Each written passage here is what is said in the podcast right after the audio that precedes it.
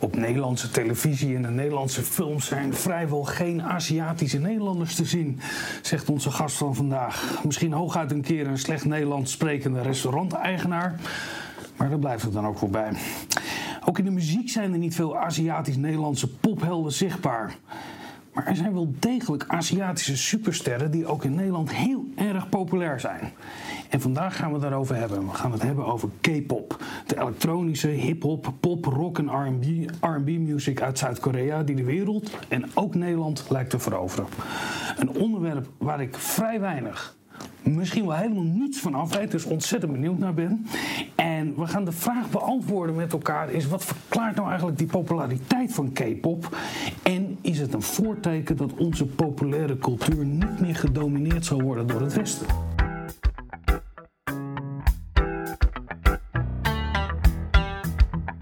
Dit programma wordt mede mogelijk gemaakt door Amsterdam University Press.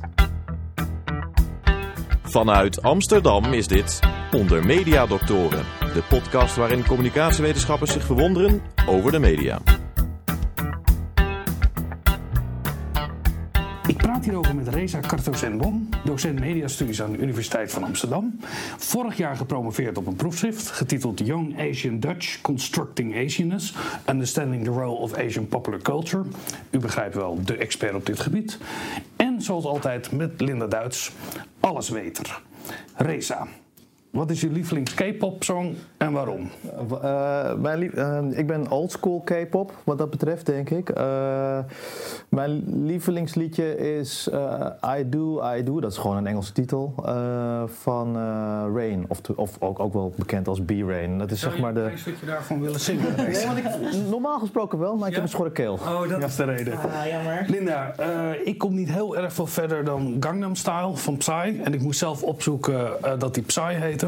Kom jij verder dan dit voorbeeld? Ik kom wel iets verder, maar dat komt ook omdat ik me er voor vandaag in verdiept heb. En ik moet zeggen, ik luister zelf niet naar K-pop. Maar als ik het dus nu aanzet, dan vind ik zo'n liedje wel echt meteen al heel erg leuk. Dus je hoort een liedje één keer. En het is zo catchy dat je je ook kan voorstellen dat je het nog 16 keer luistert.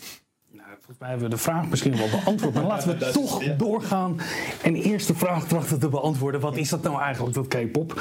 En dat hoeven we niet hier met elkaar te bespreken. Want uh, er is een mooi itempje. En Reza, ik wil jou graag vragen. Klopt het wat we nu gaan zien en horen? Oké. Okay. In de jaren 90 wordt Korea ineens hip. Er gaat een Koreaanse golf de wereld over. Koreaans televisiedrama wordt populair in China, Taiwan, Japan, Zuidoost-Azië volgt en vervolgens de Aziatische gemeenschappen die zich wereldwijd bevinden. In de kielzog van die golf wordt ook Koreaanse popmuziek een fenomeen buiten Korea. Dit komt bekend te staan als K-pop. Vanwege de economische crisis in Korea zelf gaan producenten zich op het buitenland richten, met jeugd als voornaamste doelgroep. Er worden bandjes gevormd, zoals HOT, dat staat voor High Five of Teenagers. Koreaanse boybands en girlbands veroveren de wereld.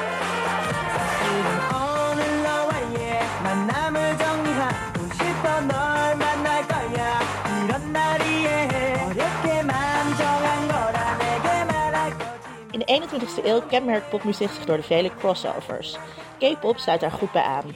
Bovendien is K-pop transnationaal. Het is dus helemaal niet authentiek Koreaans wat je hoort, maar juist bedoeld om jonge mensen in verschillende landen aan te spreken. In Europa raken we pas echt in de bank van Korea als zanger Psy in 2012 het internet veroverd met zijn aanstekelijke Oppan Gangnam Style. Gangnam Style. Alle media waren verbaasd over het hoge aantal YouTube-views dat Psy wist te halen. 1 miljard, een record dat hij vijf jaar behield.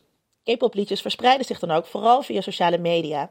Zo komen ze snel bij de fans die overal zitten. Wist je bijvoorbeeld dat Oostenrijk een eigen Austria's Next K-pop Star verkiezing heeft?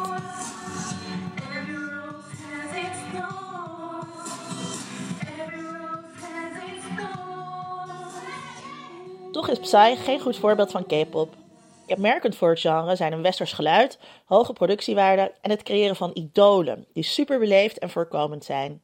Bandleden worden op jonge leeftijd geworven en leven samen in een gecontroleerde omgeving waar alles in het teken staat van zingen en dansen.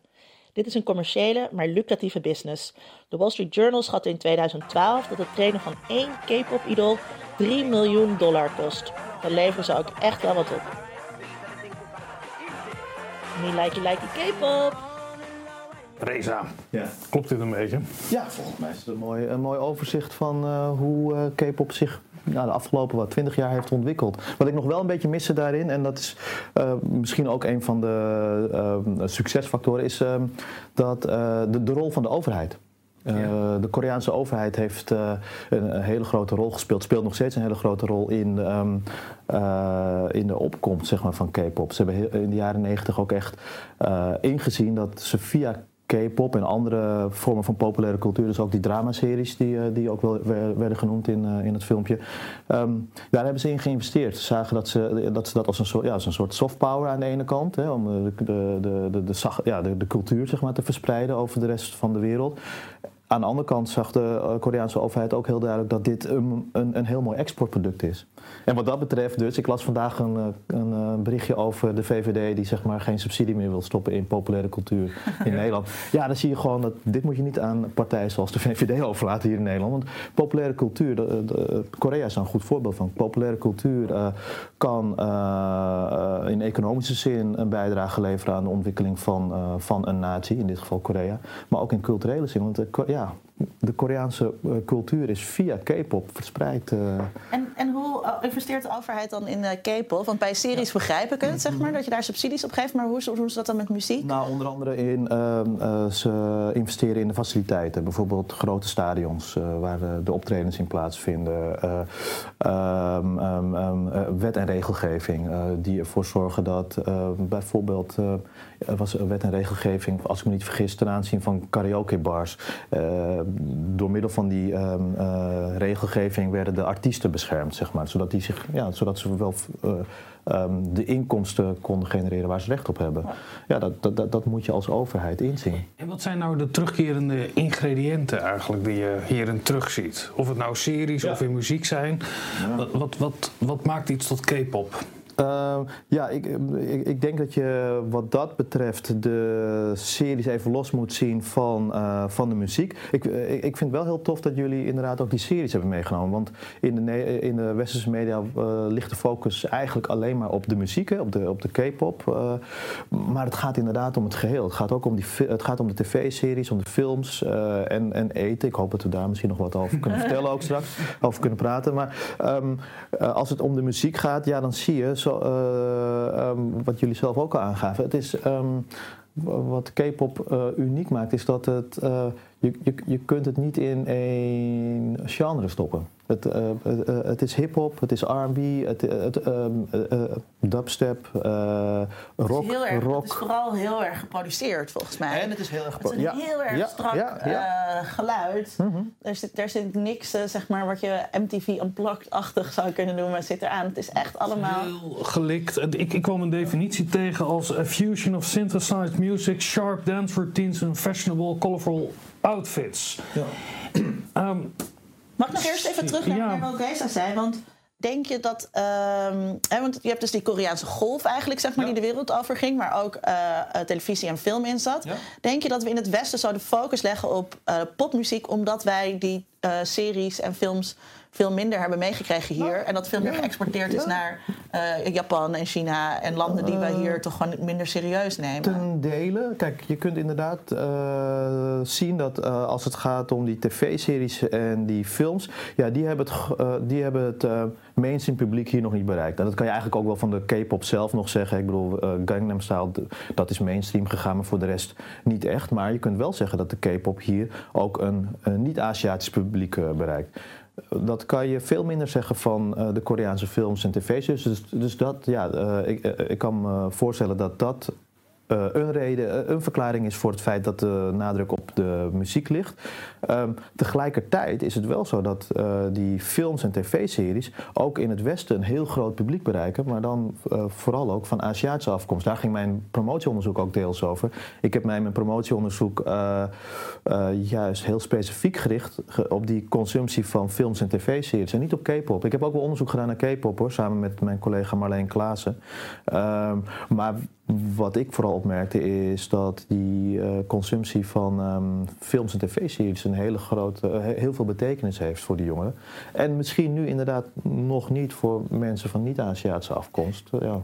Maar Reza, wat maakt eh, K-pop nou typisch Koreaans of Aziatisch? Ja, ja. Of is daar nog een verschil tussen? Nee, nou kijk, als je kijkt naar de genres die voorkomen in K-pop, K-pop ja, dat, dat zijn genres die wij hier in het Westen ook kennen. Dat zijn eigen, en, en wat jij ook al aangaf, hè, het is heel geproduceerd. Ehm, eh, waarbij ook nog eens samen wordt gewerkt met Westerse produce- eh, producers. Ehm, eh, muzie- eh, mu- eh, muziekproducers uit Scandinavië, Amerika, die, die werken samen met Koreaanse artiesten. Dus dat zorgt er ook weer voor dat die muziek, ehm, eh, het, het muzikale element, zeg maar, ja, dat verschilt niet zo van westerse muziek. Wat je wel kunt zeggen is dat die combinatie daarvan, die is uniek voor K-pop. Want ehm, het, het mengen van al die genres, ja, dat zouden we in het Westen niet durven. Ik, ik, ik kan weinig artiesten of bands opnoemen in het Westen die al die genres zeg maar, op één album durven te gooien. Dat, ja, dat kan niet. En, en waarom, waarom is dat dan... eh nee, laat ik de vraag anders stellen. Eh, als je dat in het Westen zou doen, dan zou je misschien niet eerlijk zijn binnen je eigen genre. Een hardrockband kan geen disco-nummer maken. Wa- Er speelt een idee van authenticiteit een andere rol in K-pop dan dat wij in westerse muziek hebben. Nou, ik, ik heb het gevoel dat eh, als je naar K-pop kijkt eh, en luistert, dan uh, die, die genres, daar zijn geen, geen grenzen. Dus alles kan qua genre. En dat zie je ook terug in de presentatie van die artiesten. Dat zie je ook heel duidelijk terug in hoe ze zich kleden. Dat is ook iets wat in het Westen niet kan. En, dat, en, wat K-pop en K-pop-artiesten uh, uh, uniek maakt ten opzichte van uh, Amerikaanse of, Europese artiesten. Want wat je ziet is dat zelfs um, de K-pop-artiesten die zeg, ja, laten we zeggen. Um, hardcore hip-hop of RB zijn, dat zelfs die artiesten, ook de mannelijke artiesten, zich heel in onze ogen uitbundig kleden. Hun haren, um, um, um, hun haren zijn blauw geverfd, ze dragen uh, hele felle kleding. Ja, dat zou je uh, een Nederlandse, Amerikaanse of Britse hip-hop artiesten niet zien doen, want dan zijn ze niet meer stoer en mannelijk. Komt en, het dan omdat bij ons heb je toch wel.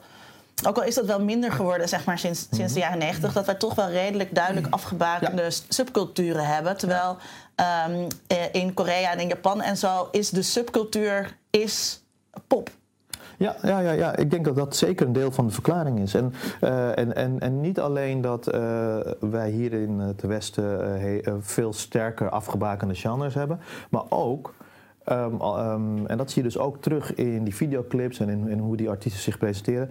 Um, ook is, uh, zijn de uh, genderhokjes veel duidelijker afgebakend in het Westen. En dat zie je, want, ja, als je kijkt naar die, zeker als je kijkt naar de mannelijke K-pop-artiesten, die zouden in onze westerse ogen soms, ja, die zouden wij misschien zien als heel vrouwelijk, bijvoorbeeld. Als we kijken naar de manier waarop ze zijn gekleed, de manier waarop ze zijn gebouwd ook. Um, en je ziet ook dat de fans, die. Um, die spelen daar ook heel erg mee. Ook, ook de fans van niet-Aziatische afkomst. Dat bleek ook uit, uh, uit, uit uh, de interviews die wij uh, hebben gehouden. Die je met Marleen Klaas hebt ja, gedaan. met Marleen Klaas. We hebben focusgroepen gedaan. ik heb focusgroepen gedaan met fans van Aziatische afkomst. En Marleen heeft de fans van niet-Aziatische afkomst Marleen gedaan. is wit. Precies, ja, dat is ja, misschien ja, even goed om te zeggen. Ja, ja, ja, ja. ja, ja. Dus, dus de, ja, de, de respondenten konden zich wat makkelijker verhouden tot Marleen. Maar wat, wat daaruit bleek is dat ze, ook die fans, um, het waren vooral jonge vrouwen, um, ook die fans die, um, uh, die spelen met dat gender-idee. wat zij ook aangaven is, de, we, hebben, we hebben de focusgroepen gehouden toen eigenlijk toen voor het eerst een grote Koreaanse K-pop artiest naar Nederland kwam, Jay Park. En die is eigenlijk heel stoer. Die uh, tatoeages, goed afgetraind, hip-hop, heel hip-hop. Hij komt ook uit Amerika, het is een Koreaanse Amerikaan. wat die meisjes zeiden is: ja, um, ze, ze delen dan in in Beasts en Flower Boys. Uh, maar Jay Park, wat ze dus interessant vinden aan Jay Park, is dat hij aan de ene kant een beast is, want hij is echt helemaal afgetraind, zoals je dat van Amerikaanse hip-hop-artiesten zou verwachten. Hij, je ziet hem ook zeg maar zonder t-shirtje in de clips en ook, ik was naar het optreden geweest, ja, dan trekt hij zijn shirtje uit en zo. Tegelijkertijd zijn zijn gelaatstrekken heel zacht. En uh, zijn haar is ook, uh, zeg maar, zijn kapsel is ook um, wat je niet zou verwachten bij een normale Amerikaanse uh, hip-hop artiest. Dus die combinatie is voor, die, um, voor westerse vrouwen, westerse jonge vrouwen die daar fan van zijn, heel interessant. Dat, de, dat een man dus Beast kan zijn en Flowerboy. Nou wordt er vaak gezegd over um, boybands in het Westen. Mm -hmm.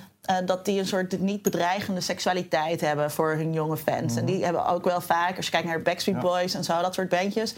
Uh, zijn vaak heel jong, lief, maar hebben ook hele vrij vrouwelijke ja. gelaatstrekken, veel rond, en, rond en zo. Ja. Is dat ook iets wat hier een rol speelt, dat het een soort niet bedreigende seksualiteit is? Of is het een nou, andere seksualiteit? Nou, uh, um, nee, dat is, dat, dat is, een heel goed punt. Dat, uh, die, en dat gaf je ook aan in dat filmpje, dat ze zijn heel beschaafd. Hè? daar worden ze ook op getraind. Ze worden ook jarenlang. die training gaat niet alleen om zingen, dansen, et cetera, maar het gaat ook echt om ja, hoe moet je je gedragen? Hoe... Het zijn allemaal een soort ideale schoonzoon, ideale schoondochter, beleefd. Ja, uh, ze zijn dus niet. Uh, maar het, hoe, hoe kan je, tenminste, popmuziek in het Westen wordt toch ook vaak geassocieerd dat je in je adolescentie ergens Ja. vooral fan van moet zijn waar je ouders het niet mee eens zijn. Ja, ja. Hè, dat het een daad van verzet is. Dat Of is al lang niet meer, Vincent. Is dat niet meer. eh, Nee, dat is al lang niet meer, want popmuziek is heel erg gekoloni- gekoloni- gekoloni- gekoloniseerd door volwassenen. Dus je, je kunt je als jong mens eigenlijk niet meer goed onderscheiden van de volwassen cultuur. omdat de ouders Met- niet de babyboomers zijn die ooit dat bedacht hebben. Dat je En je mee ja, moet alle vaders gaan met hun kinderen naar Lowlands. En op Pinkpop zie je alleen maar oude mensen. En spelen ook heel veel oudere artiesten. Dus dat is, dat is al weg. Maar als de overheid K-pop heeft gepropageerd, Ja. is dit ook een manier van een soort voorbeelden stellen aan de jeugd over hoe je zou moeten zijn? Ja, nou, ik, ik, durf niet te zeggen, ik, ik, ik durf niet te zeggen dat dat, zeg, maar, dat, dat heel bewust is. eh, eh, dat dat het een soort ehm, eh, een plan is, op vooropgezet plan is van de overheid. Maar wat, dat is wel wat je, als je naar de inhoud van eh, K-pop luistert, eh, dan, eh, ik bedoel, ik, eh, de vertaling heb ik dan, ik, ik spreek geen eh, Koreaanse vertaling, heb ik eh, eh, gelezen.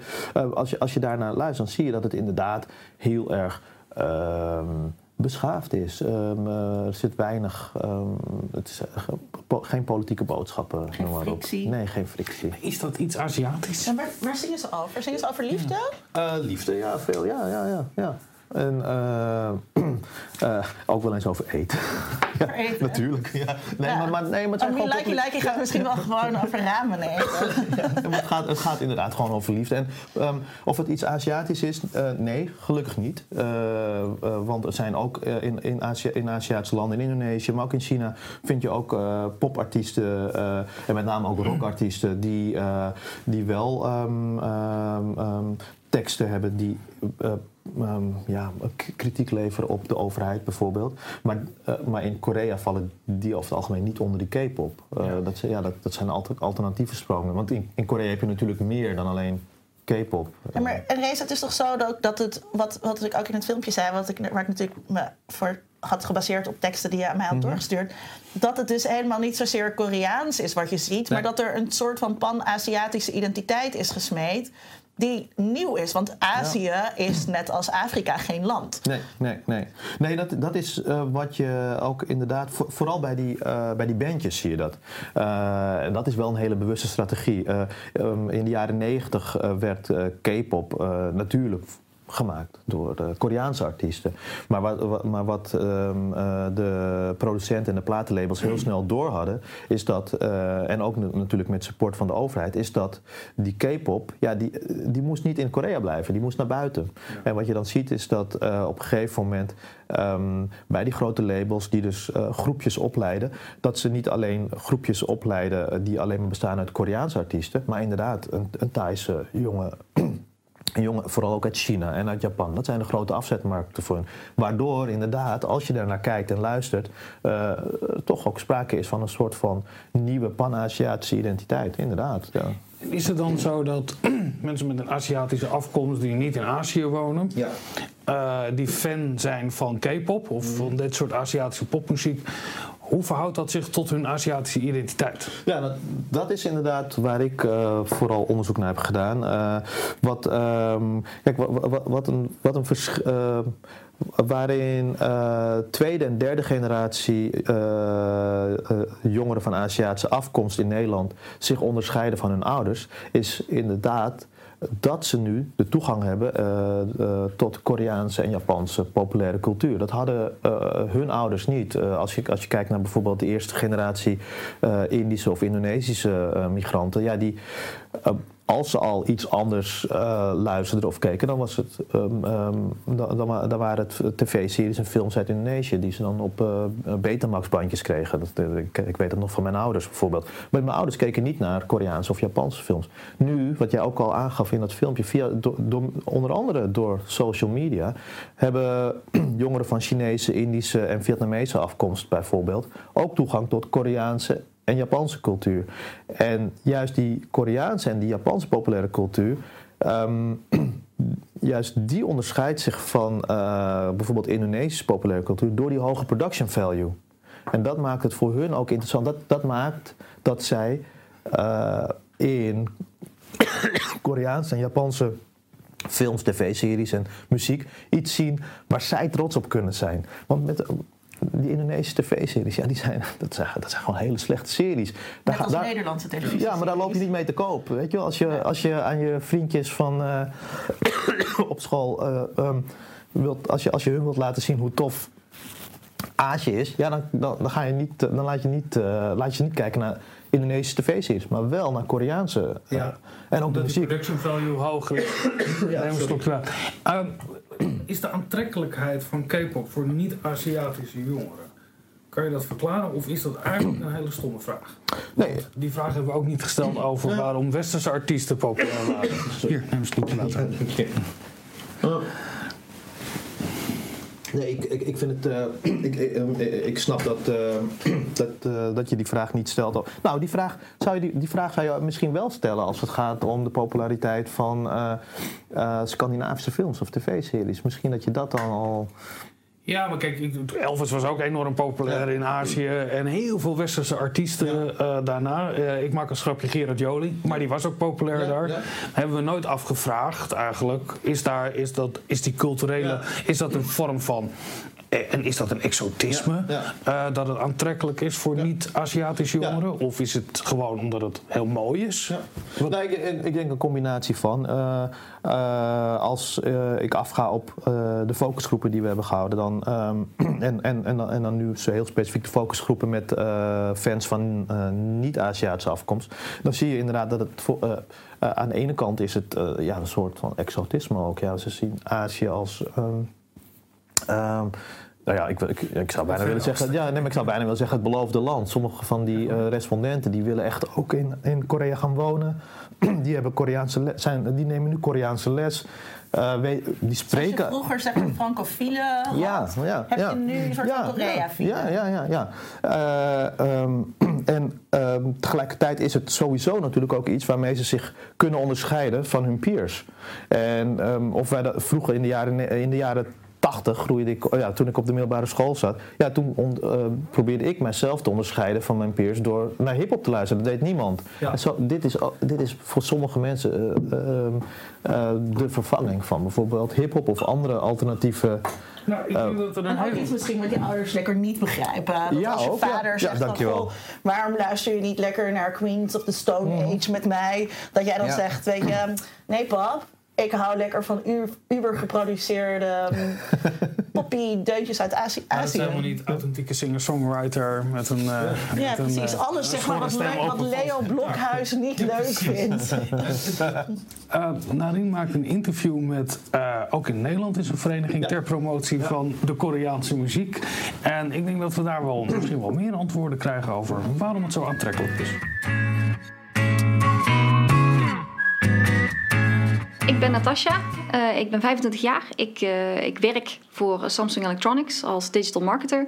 En ik, in mijn vrije tijd uh, organiseer ik evenementen en onderhoud ik een, een K-pop fanpagina. Ik ben medeoprichter van de Stichting, Koreaanse, Stichting Promotie Koreaanse Cultuur. En wij gaan in de volksmond ook wel onder HaljouCon. Dat is kort voor Hallyu Conventie. Hallyu betekent Koreaanse golf. Het is een beetje het initiatief van de Koreaanse overheid. Die willen de wereld overnemen met hun cultuur als een golf. Ja, we organiseren verschillende kleine evenementen. Um, ons grootste evenement is over iets meer dan een week uh, de HaljuCon. En daar verwachten we ongeveer 500 gasten. De evenementen die we organiseren hebben allemaal iets te maken met Korea. De cultuur voornamelijk, maar ook K-pop, want dat leeft enorm. Binnen HaljuCon richten wij ons voornamelijk op, op mensen die een algemeen interesse hebben in Korea. En dat komt er eigenlijk op neer dat mensen fan zijn van K-pop. Ehm, K-pop is een muziekgenre wat heel erg in opkomst is. Uh, niet alleen in Europa, maar in Amerika, Zuid-Amerika en vooral in uh, Zuidoost-Azië natuurlijk is het enorm. Dus er gaat heel veel geld in om. En uh, het, het wint aan, uh, aan terrein. En hier in Nederland ook. Dus we hebben op dit moment op onze fanpagina ongeveer 3.500 mensen. Alleen in Nederland, of nou ja, Nederland en België dan. Op het moment binnen K-pop. Uh, speelt heel erg de, de drang naar, naar iets nieuws. Uh, je we spreken binnen de K-pop wel van generaties. Dus je hebt first generation K-pop, second generation K-pop. En ondertussen zitten we volgens mij al in nummer 4. Uh, de eerste dat was zo rond de jaren 90. De tweede is begin 2000 begonnen. En de derde generatie die begint nu langzaam ja, uit te faseren, zeg maar. Die groepen die debuteren en vervolgens zitten we nu dus in de vierde generatie. Waarbij we ja, nu helemaal hot is BTS. BTS, Bangtan Sonyeondan. En zij zijn letterlijk vertaald, betekent het de Bulletproof Boy Scouts. En zij zijn uh, ja, helemaal hip. Ze worden binnenkort hopelijk uitgenodigd voor Ellen. Dus dat, uh, daar wachten wij op. Um, de sound is ook anders. Het gaat nu veel meer richting wat wij al kenden vanuit het Westen. En uh, wat met, daarmee komt dus ook dat ze wereldwijd meer gezien worden. Want in de tweede generatie, dat was echt nog een, een, ja, een, hele, andere, een hele andere sound. Veel meer wat wij kenden van de jaren negentig eigenlijk. En heel uh, onschuldig, heel, heel lief. Uh, en dat is nu wat meer richting ja, meer een mix met hip-hop geworden. Wel nog steeds heel flashy, heel um, opgemaakt. Hele hoge productiewaarde. Maar toch wel wat meer richting de westerse kant. Ja, het Nederlandse fandom, fandom is veel meer uh, down to earth. Uh, Nederland, we staan natuurlijk veel verder van het vuur. Ze kunnen heel makkelijk zeggen van nou dit vinden we niks of dat vinden we wel wat. Je hebt nou het einde van het jaar komt eraan, dus er komt nu er wordt gestemd op, op de favoriete groepen. Uiteraard is dat iets wat wij als buitenlandse fans, dat kunnen wij doen. Op internet kun je stemmen, je kunt albums kopen en proberen hun sales omhoog te laten gaan. Maar wij kunnen niet naar fanmeetings of we kunnen niet naar een concert. En dat, is, dat missen we wel een beetje. Dus we proberen dat echt een beetje krampachtig goed te maken door die steun te laten zien door het stemmen of online uh, heel erg actief te zijn. K-pop is heeft, het voelt voor, als fan zijnde voelt het echt als een community. Je sluit je ergens bij aan. Het is een, uh, bijna een soort beweging. Uh, je, je wordt deel van een groep mensen die iets, iets samen gewoon heel erg leuk vinden. Je, bent, je noemt jezelf ook K-pop fan. Je bent geen BTS-fan of je bent geen EXO-fan, maar je bent een K-pop-fan. Veel mensen zijn ook fan van heel veel verschillende K-pop-groepen. Persoonlijk vind ik ook het mooiste aan, aan fan zijn van K-pop is dat je dus dat stapje verder kunt maken. Dat je van het leuk vinden van een boyband in Korea, door kunt gaan naar het begrijpen van de politieke situatie tussen Noord- en Zuid-Korea. Wanneer er iets op het nieuws komt over Kim Jong-un, dat je dan ook mee kunt praten, mee kunt denken daarover. Vervolgens hun houding tegenover Japan, dat je dat gaat begrijpen. En ook gewoon hun manier van doen in het leven. Uh, respect voor oudere mensen, dat leeft heel erg in Korea. Dat hebben wij hier helemaal niet in Nederland. Respect voor oudere mensen. Meeste oudere mensen vragen mij of ik alsjeblieft geen u tegen ze wil zeggen, want dan voelen ze zich oud. Nou, in Korea zijn er, ik geloof wel vijf of zes verschillende formaliteitsvormen in de, in de taal. Dat geeft heel erg aan hoe, dat, hoe belangrijk dat is. En dat krijgen ook al die tieners die dit leuk vinden, krijgen dat mee. Dat dat voor hun heel, heel erg leeft en dat belangrijk is voor de mensen die zij zo belangrijk vinden. En daar leren ze van. Ook persoonlijk vlak, dan, ja, daar groei je van als persoon.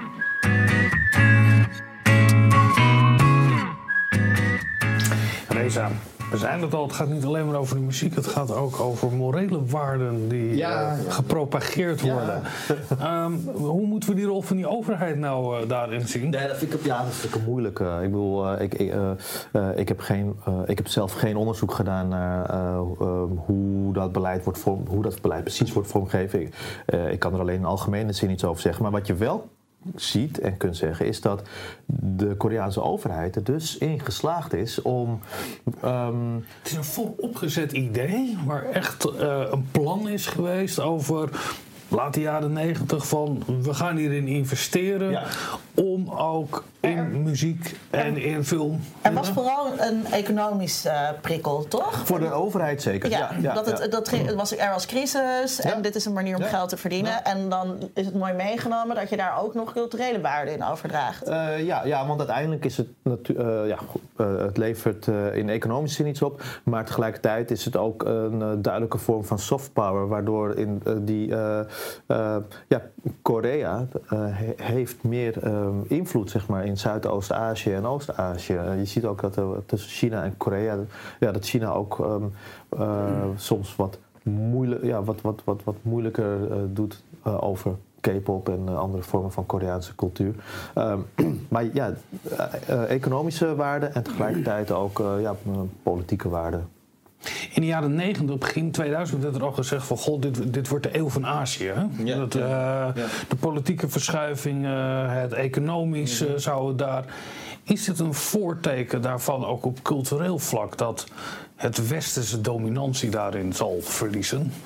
Ja, nou... eh, ik als angstige witte westerling. ja. Eh, nee, je, je kunt zeker zeggen dat eh, K-pop en of de Kore- Korean Wave dat het onderdeel is van wat in de wetenschappelijke literatuur ook wel de, de, de counterflow wordt genoemd. Hè? Want je, of, ja, v- v- v- vlak na, ja, we hadden eerst natuurlijk eh westerse en met name Amerikaanse populaire cultuur die richting eh, Azië ging en ook eh, ehm, nou ja, Zuid-Amerika bijvoorbeeld. En nu is er dan sprake van zogenaamde counterflows. We hebben counterflows vanuit Zuid-Amerika gehad eh, met eh, de ehm, telenovela's bijvoorbeeld. Eh, eh, wat je daar ook in ziet, en dat, ik, dat is wel ehm, interessant. Eh, die telenovela's, die, die tv-series uit eh, Zuid-Amerika, die waren bij ons, on- die, die zagen wij niet. Dat, dat, was, dat gebeurde onder onze radar. En wat bedoel je met ons? Wij hier in, in Europa. Eh, de draagmoeder werd ik ooit op RTL 5 midden in de nacht. Ja, oké. Eh, ja, oh ja, heel, ja, heel laat. Ja, ja. Ja, Maar waar, waar, waar, waar het besef dat die telenovela's een hele grote impact hadden op eh, heel veel kijkers. Eh, het besef dat eh, telenovela's dus een geduchte concurrent zijn voor Amerikaanse tv-series. Dat leefde bij ons niet. Eh, eh, eh, in Korea en in eh, Indonesië bijvoorbeeld, als ik naar Indonesië eh, naar mijn familie ging, ja, die keken allemaal telenovela's. Die, die keken niet meer, of veel minder, naar Amerikaanse tv- tv-series. En wij hadden dat niet door.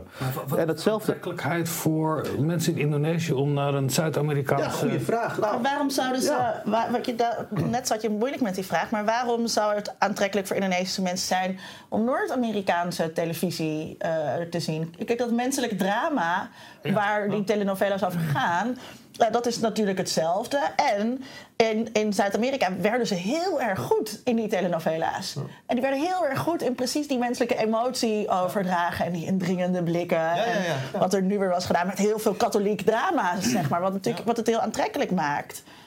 En zie je dat En je kijkt toch een, buiten, een buitenlands iets als je vanuit Indonesië eh, kijkt. Ja, het is allebei, komt het ergens anders Ja. vandaan. Eh, maar heeft in zichzelf een kwaliteit waardoor het aantrekkelijk wordt. Ja, en datzelfde zie je dus, want die, eh nou ja, die telenovela's die waren eh, ook heel populair in Azië.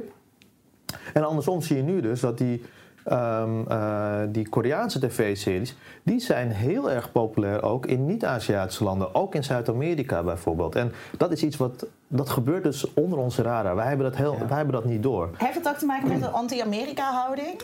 Van? eh, van eh, Latijns-Amerika. Dus ik weet bijvoorbeeld in Mexico hebben ze toch echt een behoorlijke hekel aan, aan mensen uit de, uit de Verenigde Staten van Amerika. Ja.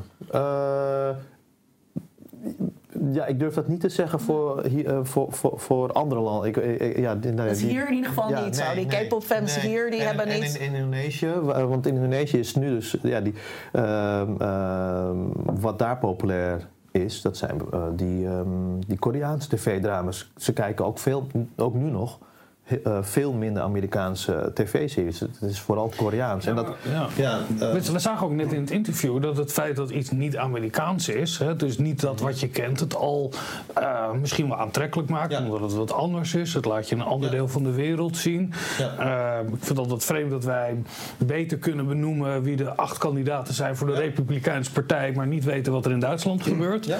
Dat die focus toch wel een beetje aan het verschuiven is. Ja. Eh, in is de Verenigde Staten nog wel de belangrijkste cultureel eh, Nou, imperialist. Maar het heeft ook te maken, want we hebben hier natuurlijk ook inderdaad wel die dan witte Mhm. K-pop fans. Maar het heeft ook gewoon te maken, wat ik mensen gewoon de hele tijd onderschatten. Er is gewoon een enorme diaspora Ja. eh, eh, wereld, wereldwijd. Een Aziatische diaspora, er, maar ook een, een Latijns-Amerikaanse. Zeg maar, hè, dus heel veel mensen willen dat natuurlijk ontkennen. Maar multiculturalisme is ook in Nederland gewoon een realiteit. En die zit bij, bij die jongere garde. Mhm. En die kiezen gewoon hun eigen vormen van cultuur. Waar Leo Blokhuis geen vat op heeft. Nou ja, dat hebben we natuurlijk ook gezien met de populariteit van Bollywood. Eh, ja, ja. eh, misschien al eerder. Ook mensen die eh, Hindoestaanse Nederlanders die daar eh, dat interessant vinden. Ehm, met Mag ik nog wat, ja, nog wat tuurlijk. zeggen? Naar aanleiding van het interview, wat me heel erg opviel, wat zij vertelde, was dat die fans zijn dus echt allemaal eh, heel loyaal. En die geven daar ook echt heel erg veel eh, geld aan uit. Het is, het is ook echt een lucratieve business. Ze doen heel veel fanwork. Wat zij vertelde, ze gaan dus stemmen, ze gaan extra kopen.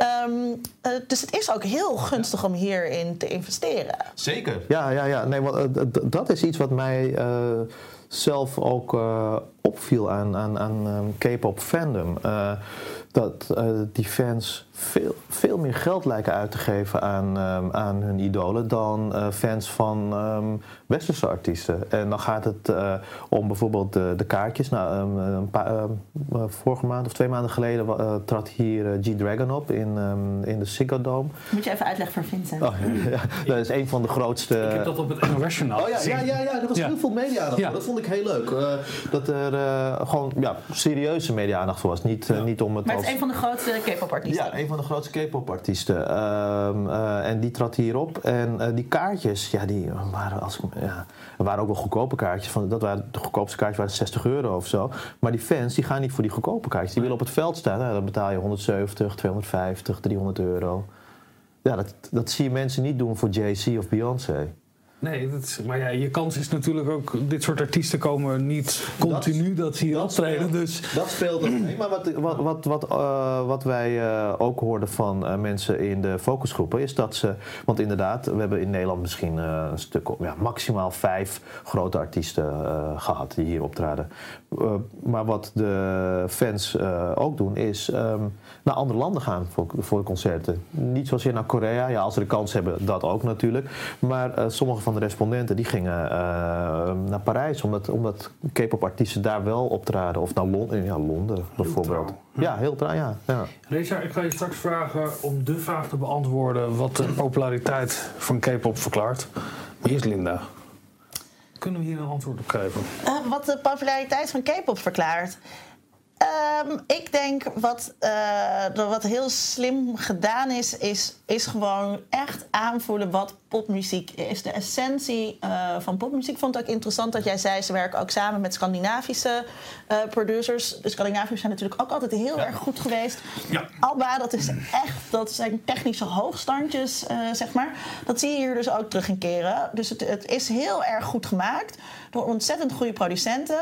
En eh, die hoge productiewaarde zie je dus ook terug in die artiesten zelf. Die dus heel lang getraind worden. Waar we het nu nog weinig over gehad hebben. Maar die dus echt intern gaan. En niet alleen eh, leren zingen en dansen, maar ook leren hoe gedraag je je zeg maar als een idool. Ja, het is echt engineering bijna. en helemaal niet het idee wat we hier... Hè, als je talent hebt, kom je bovendrijven... en je moet door een lange weg van is en dan hier, een keer... hier is dat natuurlijk ook niet waar, maar dat is hier eh, het mythische verhaal dat wij graag vertellen over onze popsterren, wat natuurlijk ook niet Mhm. helemaal op die manier werkt. En eh, eh, bij K-pop hoeft dat niet, eh, eh, eh, die, die mythe van authenticiteit.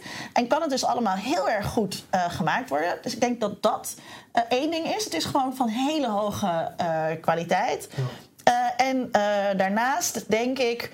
Eh, dat het inderdaad eh, iets anders is, ehm, waarmee je net in een andere hoek kan onderscheiden als je zeg maar witte Nederlander bent. En eh, voor Aziatische ehm, mensen hier in Nederland en ook andere westerse landen, vind ik het jammer dat we niet meer hebben gehad over Austria's Next K-pop star. Is op YouTube terug te kijken, toch? te kijken, Maar dat dat dus.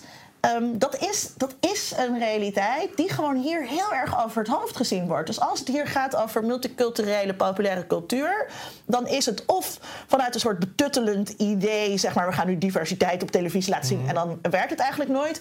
Of het komt een soort per ongeluk bovendrijven eh in een show waar het gaat over dans of zo. En dan. En dan, dan Ja, of een soort folkloristisch eh, eh, eigenheid. Dat mag dan ook nog in de diversiteit, toch? De, op de luidspelende. eh, Nee, maar ik bedoel als het gaat over populaire cultuur. Als het over populaire cultuur gaat. Dus het wordt, het wordt ook gewoon miskend. En in die zin eh, denk ik ook dat, dat er hier gewoon heel veel makers van populaire cultuur zijn... die gewoon keihard de boot aan het missen zijn. En dat vind ik eigenlijk heerlijk. Dus er zit ook een soort van, van, van vol van verzet in. Wat je zei, die counterflow. Waardoor ik nog meer wil zeggen, me likey likey K-pop. Reza. Ja, nou, ik, ik, ik sluit me sowieso aan bij alle punten die jij net al hebt genoemd. Eh, het- een van de belangrijkste verklaringen is, denk ik ook, ja, het is gewoon heel catchy. Al die songs zijn... eh, Het is gewoon heel eh, goed. Het is gewoon echt over Het sluit nagedacht. Ja, ja, het Je haalt de beste mensen bij elkaar om Ja. het best mogelijke product te maken waarvan je, waar, waar de uitgangspunt is, hoe kan je je publiek bedienen. Ja. Dat, Ja. dat, dat is heel erg Nou, wat ik terug hoor. Eh, wa- wat, je, wat, je, wa- eh, wat daar ook nog een interessant aspect van is, is eh, iets wat zij. eh, en ik weet niet of die term is bedacht binnen de K-pop of dat het daarvan uitkomt, maar eh, fanservice. En eh, daar zijn de K-pop-artiesten heel erg goed in. Eh, je ziet die K-pop-artiesten, die, die, die, die zie je niet alleen maar in clipjes en op eh, eh, optredens, maar ze, ze verschijnen ook in allerlei tv-programma's, reality-programma's. En dan doen ze allerlei dingen die fans van hun verwachten. Bijvoorbeeld rare gerechten eten of zo. Of met ehm, eh, twee mannelijke ehm, ehm, zangers die met elkaar, zogenaamd met elkaar zoenen of zo. Nou, dat, is- dat is fanservice die, ze, die, die, die, die, de, die de fans niet kunnen verwachten van Beyoncé of, eh of Ik Jay-Z. weet, ik weet dat je in Japan, eh, waar je ook J-pop zeg maar hebt, dat natuurlijk een soort variant is Ja, van K-pop, dat je daar ook een soort van meet and greets kan Ja, kopen ja, met ja, je idolen. Ja. Ja, Ook in Nederland dus. Dus toen, eh, dus met, eh, met Jay Park bijvoorbeeld, eh, nou, ik, ik, ik, ging ook, ik ging naar dat concert en eh, ik kocht een normaal kaartje, maar je kon inderdaad ook kaartjes kopen voor een meet and greet. Nou, dat kostte dan weer eh 100, 200 euro extra of zo. En dan, ja, dan zag je me eventjes. Nou, dat is iets, ja, die, die, die eh, connectie met de fans lijkt veel sterker. Tenminste, dat, dat is de, de, de, de illusie. Ze begrijpen dat je daar goed in moet investeren. Ja. En als dat authentieke verhaal wegvalt, dan kan dat Ja. blijkbaar Ja. ook beter. Ja, ja. Nou, dat, eh, dat authentieke verhaal, want eh, daar, be- daar bedoel je die trainingen mee onder andere. Hè? Ja. ja. Nou, die trainingen, dat is ook heel interessant. Die trainingen zijn juist onderdeel van het narratief. Want die, de, de fans vinden dat, heel, eh, vinden dat heel- sowieso geen probleem. Dat ze zo genurtured zijn en alles. Maar ze vinden het, ze vinden het zelfs, eh, eh, eh, het is voor hun een belangrijk onderdeel van het verhaal. Ja, Dat je gemanufactured ja, bent. ja, ja dat, dat, dat, ze, dat, ze, dat ze zo lang hebben, in training zijn geweest. Als een topsporter. Ja, ja, ja, ja, ja, inderdaad. Zo'n andere benadering. Ja. Ja. En, en een ja, ander punt is ook... Ja. Want wij jarenlang gestudeerd hebben om dit te doen. Nou, nog één puntje wat ik eh, interessant vind dan aan die, eh, is dat eh, je hebt, het zijn heel vaak groepen met heel veel leden. En eh, dat verklaart ook eh, de aantrekkingskracht. Want eh, voor, ieder, voor elke fan is er wel iemand te vinden waar ze zich mee kunnen identificeren. Dat, eh, Dames en heren, dit was aflevering 61 van de podcast Onder Media Doctoren. Abonneert u, en dat kan op alle bekende kanalen. Eh, we hebben ook een prachtig YouTube-kanaal en dan kunt u de items een keer terugkijken met beeld. Me Like Likey. Deze uitzending werd gemaakt door Tom, Narien en Pim. En ook een beetje nog steeds op volgende Iris en Sebastiaan. Ik bedank Linda, maar ik bedank vooral Reza voor uh, zijn bijdrage vandaag. Uh, wil je meewerken? aan deze podcast. En uh, ook misschien een mooie item maken. Stuur ons dan een e-mail waar wij allemaal heel erg enthousiast van worden. En het is misschien een hele klein bruggetje, maar over twee weken gaan we het hebben over de creatieve industrie in Nederland. Tot over twee weken. Interessant.